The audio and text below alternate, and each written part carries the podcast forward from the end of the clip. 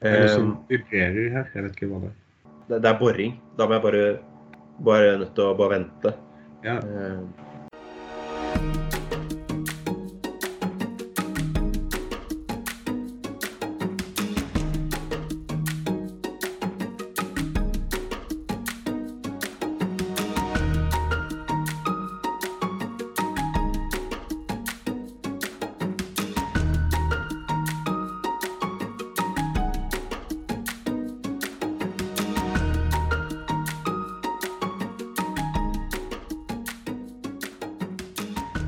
Da, Torgeir, har vi intervjuet ni politikere fra ni stortingspartier, store som små.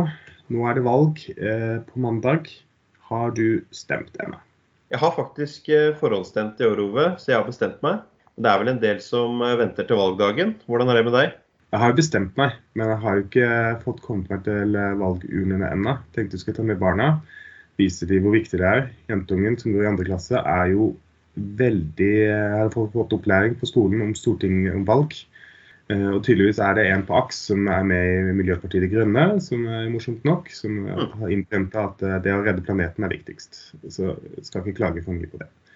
Ja, det er kanskje miljøsaken og biinntektene til tidligere og nåværende KrF-politikere som har blitt eh, store saker i valgkampen. Kanskje ikke like mye Nav som vi hadde håpa på. Og vi som hadde tenkt å sette agendaen Ja, det er lov å håpe. vi kan jo først si at vi fikk besøk av Erlend Wiborg fra Frp. Per Olaf Lundteigen fra Senterpartiet. Jonas Gahr Støre fra Arbeiderpartiet. Farid Shariati fra MDG. Kirsti Bergstø fra SV. Heidi Nordby Lunde fra Høyre. Bjørnar Moxnes fra Rødt. Ola Elvestuen fra Venstre og Toril Nyborg fra KrF. Det var mye interessante folk, det. Det var det. Med en som skriver reggae-musikk, en som dansa på Hyperstate på 90-tallet. En hadde jobba som slakter, og en annen har fått en veps oppkalt etter seg. Vi hadde mye, mye forskjellig eh, i bagasjen, ja. Og hvis det er noen som har lyst til å høre mer, så ligger jo alle episodene tilgjengelig fortsatt. Men hvis vi skal trekke ut eh, noe av det viktigste, Ove? Nei, Vi kan jo eh, kanskje gå gjennom spørsmål for spørsmål da, og ta en liten runde med hva de svarte. Eh, så Du stilte jo eh, alltid første spørsmål, Torgeir. Hva er Navs viktigste rolle i velferdsstaten? Husker du hva de svarte? Ja, jeg husker at det blei mange metaforer som var brukt. MDG mente at eh, Navs viktigste rolle var å være portvokter i samfunnet og sikre de som har mest behov for hjelp for det. Rødt brukte det velkjente sikkerhetsnettet å hjelpe folk tilbake i jobb og sikre trygghet for de som ikke kan jobbe. Mens Frp hadde kanskje det mest eh, originale metaforen. Om det var den som traff best, det vet jeg ikke. Men de mente at Nav skulle være trampolinen i velferdsstaten. At hvis noen eh, faller, så skal Nav eh, både ta imot, men også kaste deg tilbake i arbeidslivet igjen. Ikke la deg synke nedi der. Så, så det var noen av bildene som politikerne brukte, husker jeg. Jeg likte jo eh, den metaforen til Frp. Altså eh, for bildebruken hovedsakelig. Eh, bruk av trampoline. Det er jo alltid gøy å hoppe på trampoline, selv om jeg i min alder er blitt litt kvalm av å hoppe på trampoliner. Ja, vi burde ikke gjøre det. Mens, mens Senterpartiet uh, hadde jo da inntektssikring, arbeidstrening og arbeidsformidling i, i en veldig prioritert orden.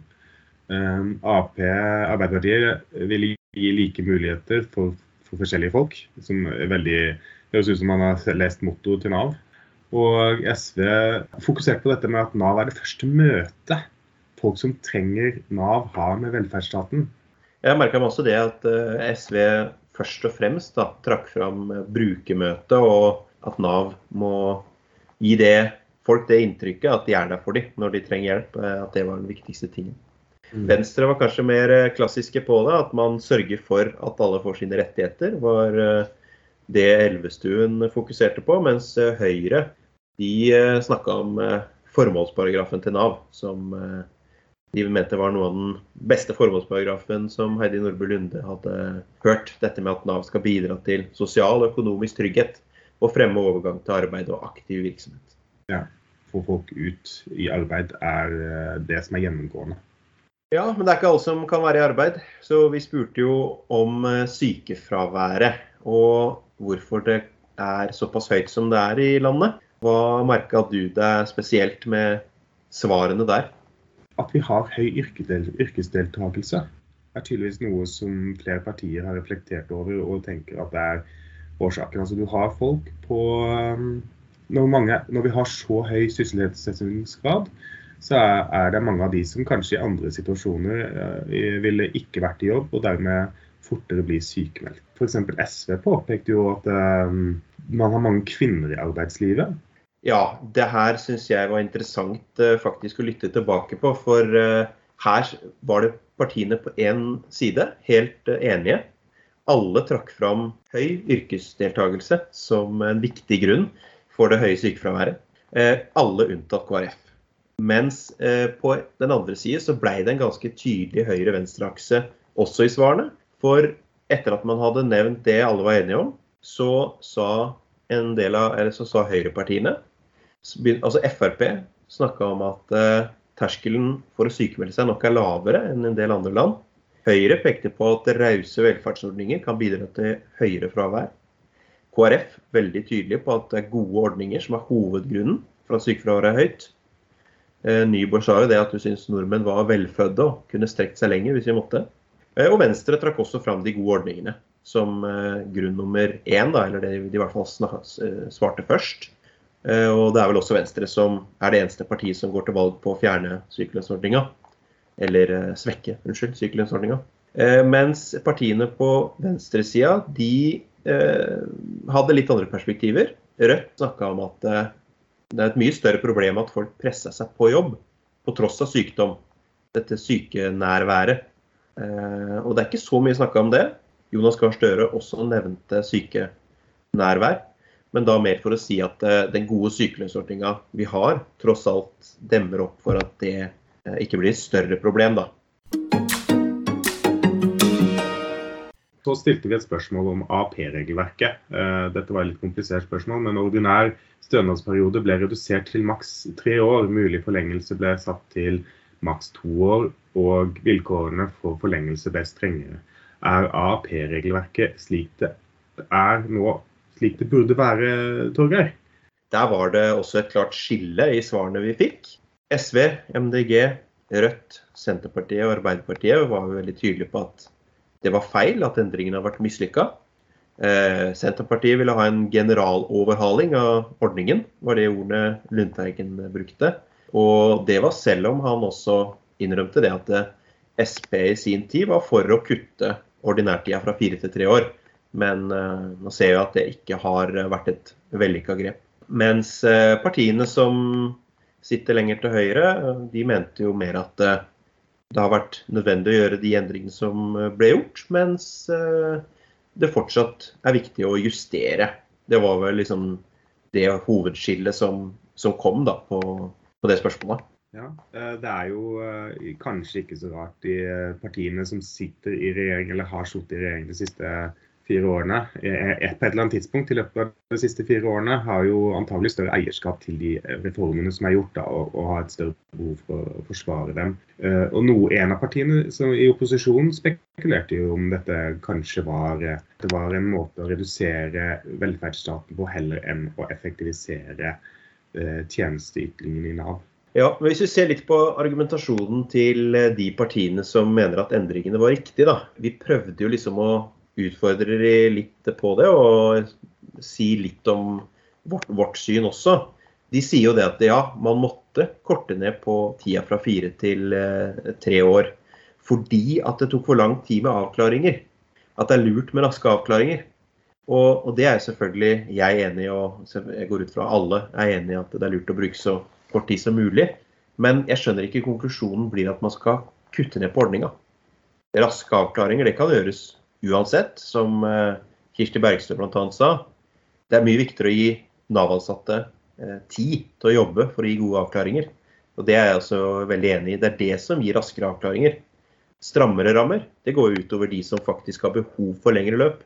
Om det er komplekse sykdomsbilder, spesielt alvorlige tilfeller, eh, der det skjer alvorlige ting underveis kanskje, men hvor det fortsatt er mulighet da, for å komme tilbake i arbeid med riktig bistand. Eh, et eksempel det kan være slagpasienten som har et klart mål om å komme tilbake i arbeid.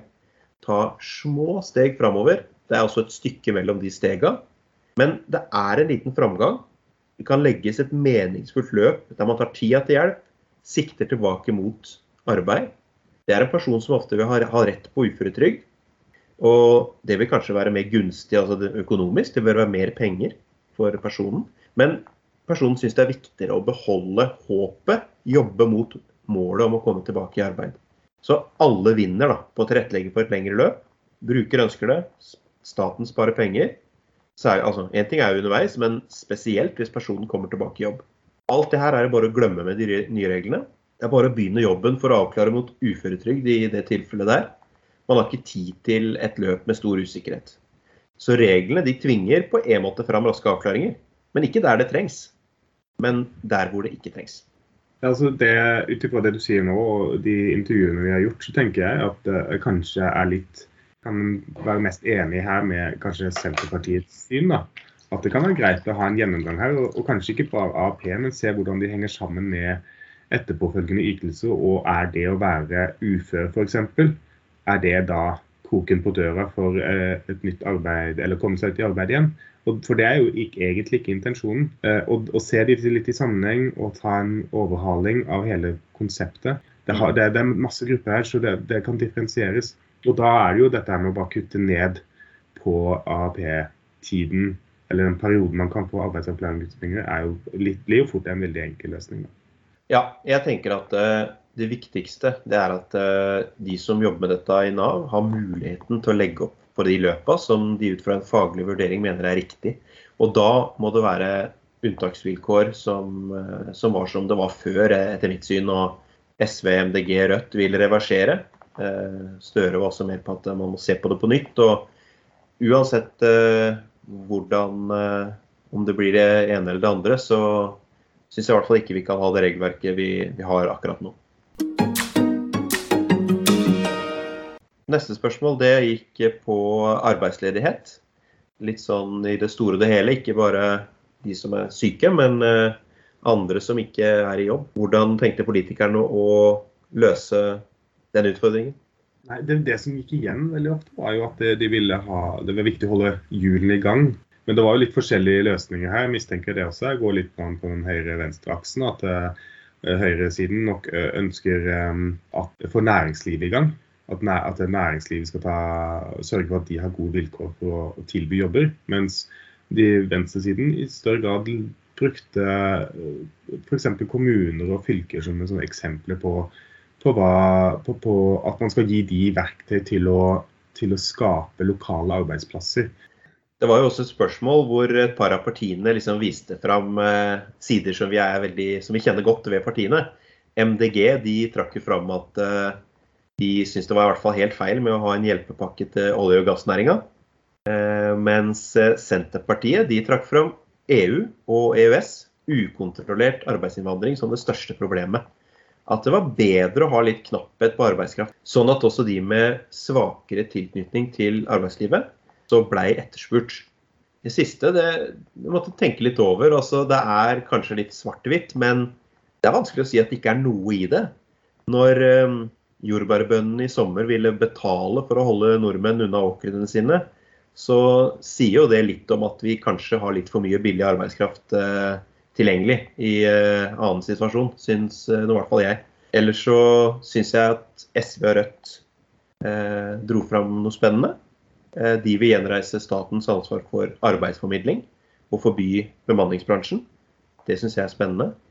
mens både MDG, SV og Arbeiderpartiet trakk fram at mulighetene for å ta utdanning, kompetanseheving, kompetansedreining, bør styrkes for de som er arbeidsledige merka meg også at Senterpartiet hadde jo en uh, todeling her. Du hadde kort sikt og lang sikt.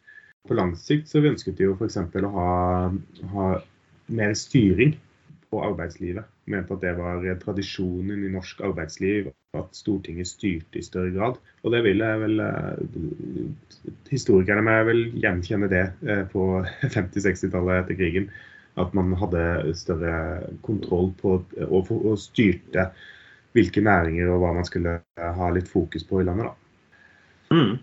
Hvis vi går over til eh, driftsbudsjettet til Nav, da, så har det jo vært eh, årlige kutt i etaten ganske mange år på rad. Noen kaller det for ABE-reform, eller avbyråkratiserings- og effektiviseringsreform.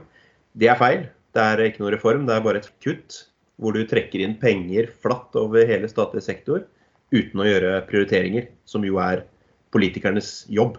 Kirsti Bergstø sa vel at det å kalle det for reform var noe av det frekkeste regjeringa hadde gjort. Eh, hva, hva, hva, sa politikerne om eh, disse budsjettene?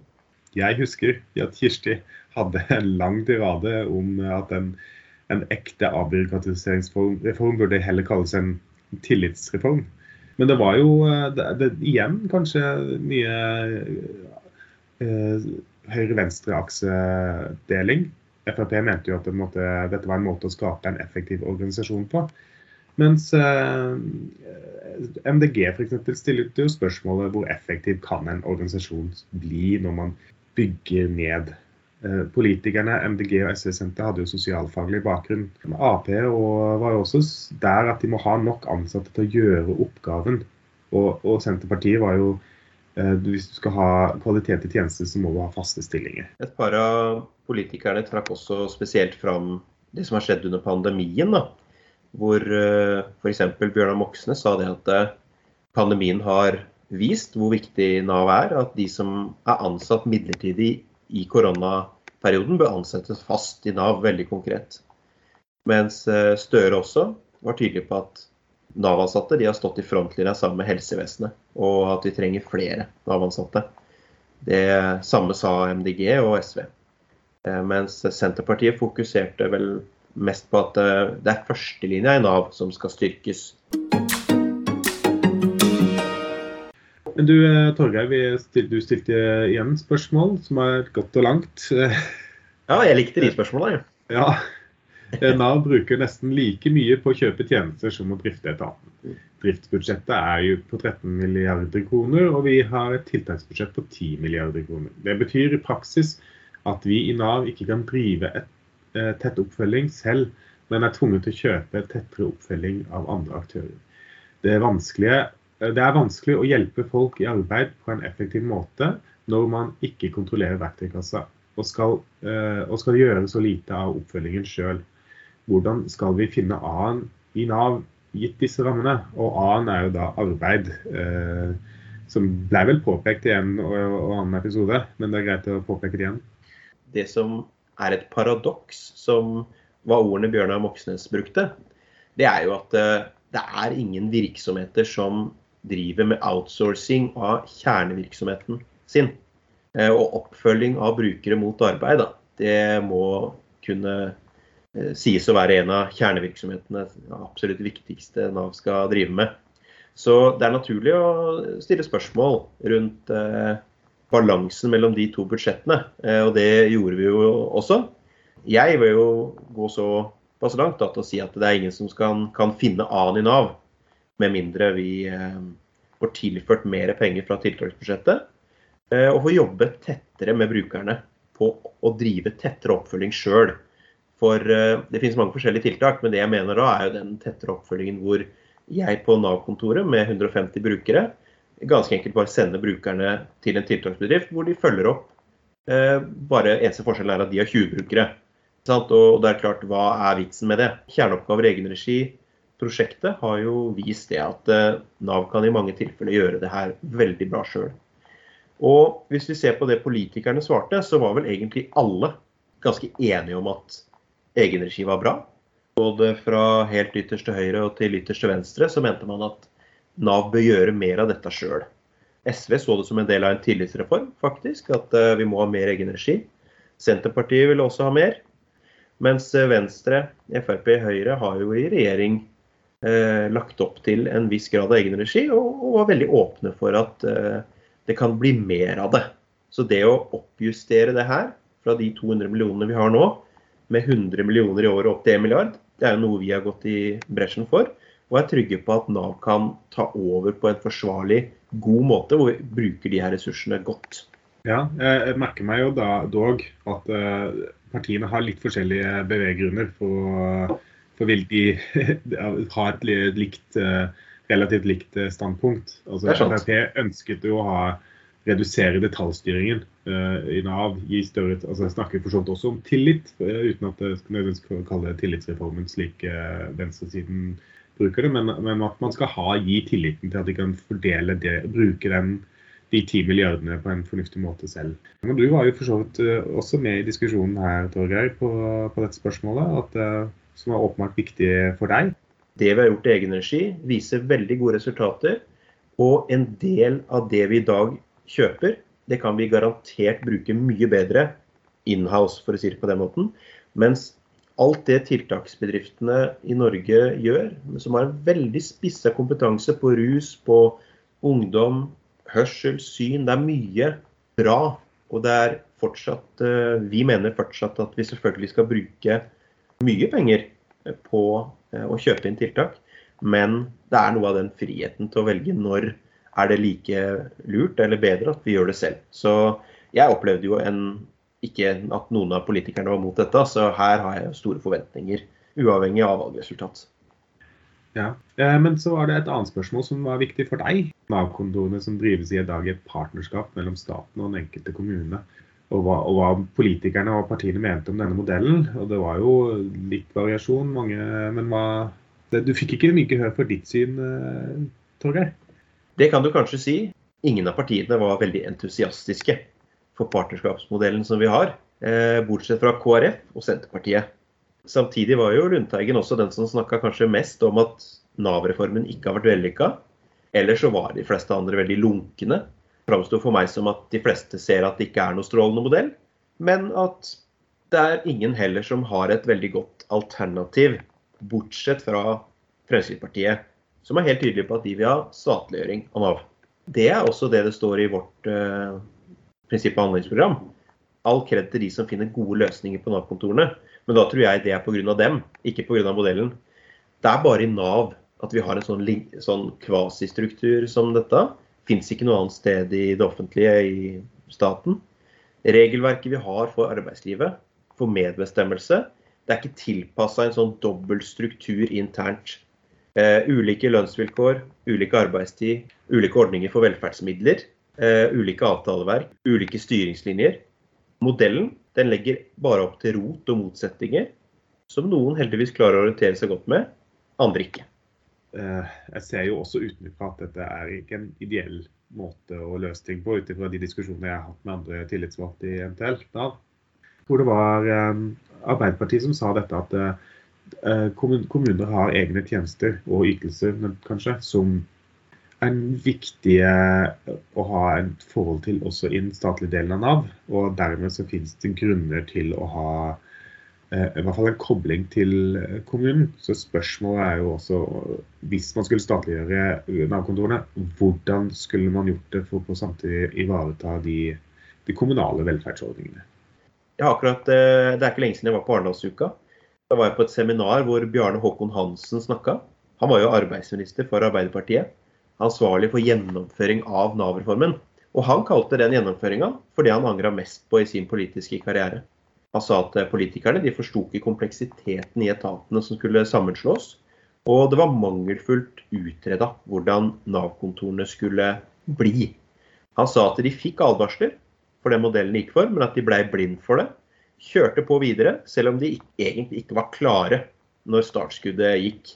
Og det kan jo legges til fra fra meg at eh, så er jo den løsningen de valgte for Nav-kontor, det var ikke den som ble anbefalt fra NOU nummer 13 i 2004. Den var ikke blant de fire som var utreda engang i den NOU-en. Det eneste den NOU-en ga til Nav, det var navnet. For den het Ny arbeids- og velferdsforvaltning. Men ingen av løsningene som faktisk blei Nav, ligger i det hele tatt i den ekspertutredningen, da, kan du si. Jeg mener jo at det å se at konstruksjonen er en tabbe, det er lett å se. Det som er vanskeligere å se, er jo hva som er riktig å gjøre nå. For det er klart, det er gjort utrolig mye godt arbeid fra tillitsvalgte, ledere og andre Nav-ansatte siden den gang. Og mye av det som ikke var på plass, og som av problemer som ligger i modellen, det har man funnet mange gode løsninger for lokalt. Men som sagt, det er på tross av modellen etter mitt syn. Og vi mener at eh, Nav bør bli helstatlig, Nav-kontorene. Men det er mange detaljspørsmål da, som må besvares, og, og de, de, trenger vi svar på. Og Derfor har vi nedsatt en arbeidsgruppe som jobber med akkurat det her. og Det er noe vi kommer til å behandle videre denne høsten.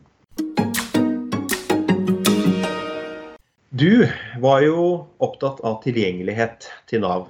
Og enten det var nett, telefon og ikke minst de fysiske kontorene med åpningstider.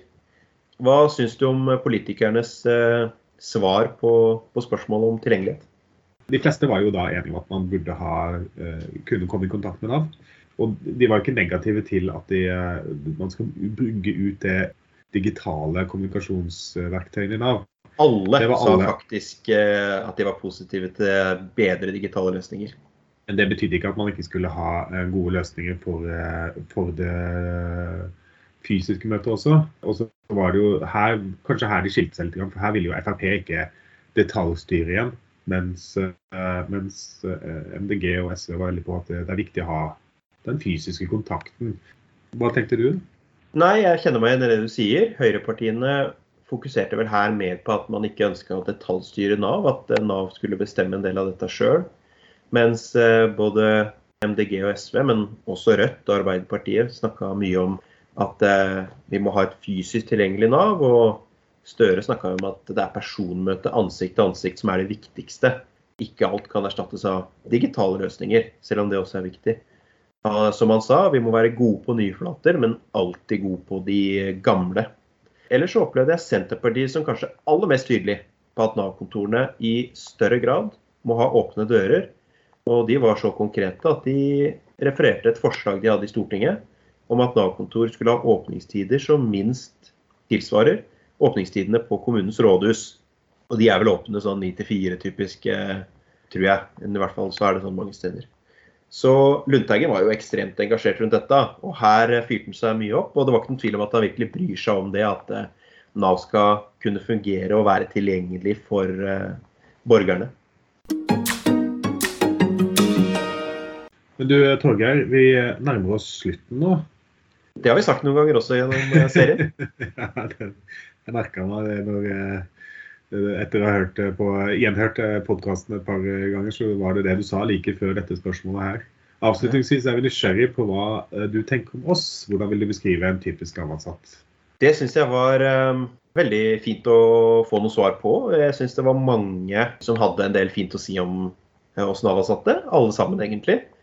Frp nevnte dette med at det er mennesker med et brennende engasjement KrF eh, sa at det var hjelpsomme folk som vil det beste for sine medmennesker. MDG trakk fram at her er det samfunnsengasjerte og omsorgsfulle folk. Og Arbeiderpartiet mente jo at alle hadde skjegg, eh, men det var på et litt tynt grunnlag. Og det gikk eh, Jonas Gahr Støre også, så det skal vi ikke holde imot ham. Nei, men jeg syns han sa noe annet fint. da, Det var at han mente at vi bærer et adelsmerke for det fineste i offentlig sektor ved at vi jobber for trygghet, rettigheter og samfunnsoppdraget. Så var det jo flere, bl.a. han, da, som trakk fram at Nav kanskje også kan være et sårbart sted å jobbe, fordi vi kommer inn i rånerven i folks skjebner, som han sa. Mens Heidi Nordby Lunde var vel inne på at hun syns vi var heldige som hadde en viktig jobb, men også litt stakkars deg, hvor det er mye urettmessig kritikk. da. Kritikk som politikerne egentlig fortjener, som er det hun sa, som jeg kan være godt enig i det var flere som var obs på at Nav-ansatte ikke nødvendigvis uh, har det beste ryktet. At, det, at, det, og at det var urettmessig. Så de brukte mye tid, flere av dem, på å, å, beskrive hvordan ting burde være. Også ikke nødvendigvis bare hva slags type mennesker Nav-ansatte er, men at vi, vi, vi, burde ikke ha et rykte som En sa vel noe om uh, bilselgere og forsikringsselgere og Nav-ansatte hadde liksom, liksom dårlig rykte sammen. og det, det, Ja, det var Frp. Wiborg sa det at uh, han trodde Nav-ansatte måtte være litt tykkhuda. Sammen med politikere, bruktbilselgere og telefonselgere, så er det de som får mest pepper. Ja, så, så, så, de fleste var obs på akkurat den situasjonen der. Eh, som betyr vel også at de, de burde være litt mer eh, være litt flinkere til å snakke opp Nav-ansatte, da. SV sa jo også det at uh, en Nav-ansatt er en person med sterk faglig integritet. Mens uh, Lundteigen syns jeg også sa noe fint der. At han trodde Nav-ansatte det var noen som var glad i sine medmennesker og glad i fellesskap. Men da har vi jo uh, kommet gjennom alle de viktige spørsmålene. Men vi har jo en sluttspalte, Torgeir. Og lurer litt på hvorfor er du fagorganisert? Fordi at jeg først og fremst tror på at det er veldig viktig å samle seg for å balansere maktforholdet mellom arbeidsgiver og arbeidstaker. Det viktigste for meg er det. Med å stå sammen, da er man sterkere. Ja, ikke sant. Men når, eh, når ble du medlem? Hvorfor? Var det, var, det, var, det, en spesiell historie der? Eller du... Eh, jeg hadde jo, jeg jo har master i statsvitenskap, og da fikk jeg tilbud om å være med i Statsviterne. Og jeg tenkte at jeg er jo statsviter, så det må jeg jo. Jeg eh, visste jo ikke så mye om hva det innebar, da. Men med en gang jeg kom i arbeid, så så jeg hva de forskjellige sto for, og valgte da NTL. Det var ikke noe tvil om at det var det som passa best. Hva med deg, Ove? Hvordan havna du i norsk tjenestemannslønn? Eh, første gangen så var det faktisk i førstegangstjenesten. Skrev med på en kontrakt om at eh, på kort varsel kan du sendes til internasjonal tjeneste. Men det skjer jo aldri. Men etter 2001 så var plutselig det en økt risiko for det. Så det ble sendt til Gibraltar, og så var det noen som lurte på Nå blir dere faktisk ansatte. Det er ikke bare være, det er ikke førstegangstjeneste lenger, så skal du være med i en fagforening. Eh, når jeg kom inn i Nav. Skal jeg innrømme at jeg var på døra til, eh, til akademikere også og hørte det, hvorfor skal jeg være medlem av dere og ikke NTL.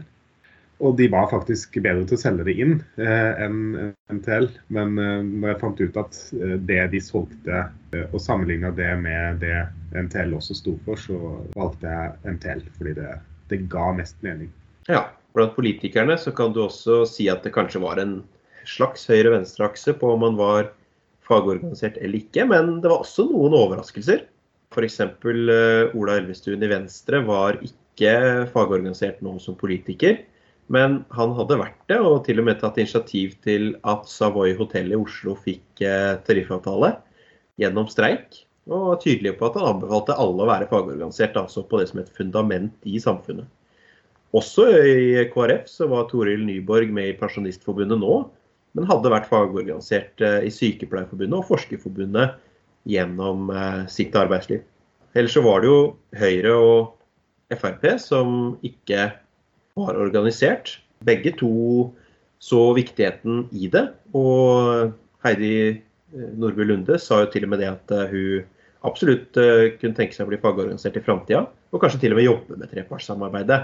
Mens Erlend Wiborg mente at det gir en ekstra trygghet. At det er som en forsikring. da, At du merker at du trenger det hvis det begynner å brenne. Men allikevel hadde de landa på at de ikke var sjøl fagorganisert nå, da. Mens eh, Rødt og SV, MDG, Senterpartiet var alle fagorganisert. Mens det var Støre som svarte aller best på spørsmål, for han er jo medlem av NTL. det høres ut som en veldig god eh, slutt på denne episoden, eh, Torgeir. Ja, vi kan jo si, eh, avslutte med det han sa, hvorfor han er organisert. Det er fordi et samfunn med høy organisasjonsgrad er et bedre samfunn. Sørger for bedre beslutninger og et ryddig arbeidsliv. Trygghet i at man ikke står alene. Da får du ha en uh, godt valg. Jeg håper ikke du har endra mening siden du har uh, forhåndsstemt. Jeg kan ikke ta tilbake den forhåndsstemmen uansett. Uh, men jeg er fornøyd med valget mitt, både ut fra det jeg har hørt i valgkampen, og også det jeg har hørt i disse episodene. Så godt valg. Snakkes. Ha det godt. Takk til deg som hørte på. Hvis du har spørsmål eller kommentarer, ris eller ros, så er vi veldig takknemlige om du sender en e-post til torgeir.homme alfakrøll nav.no. Vi høres.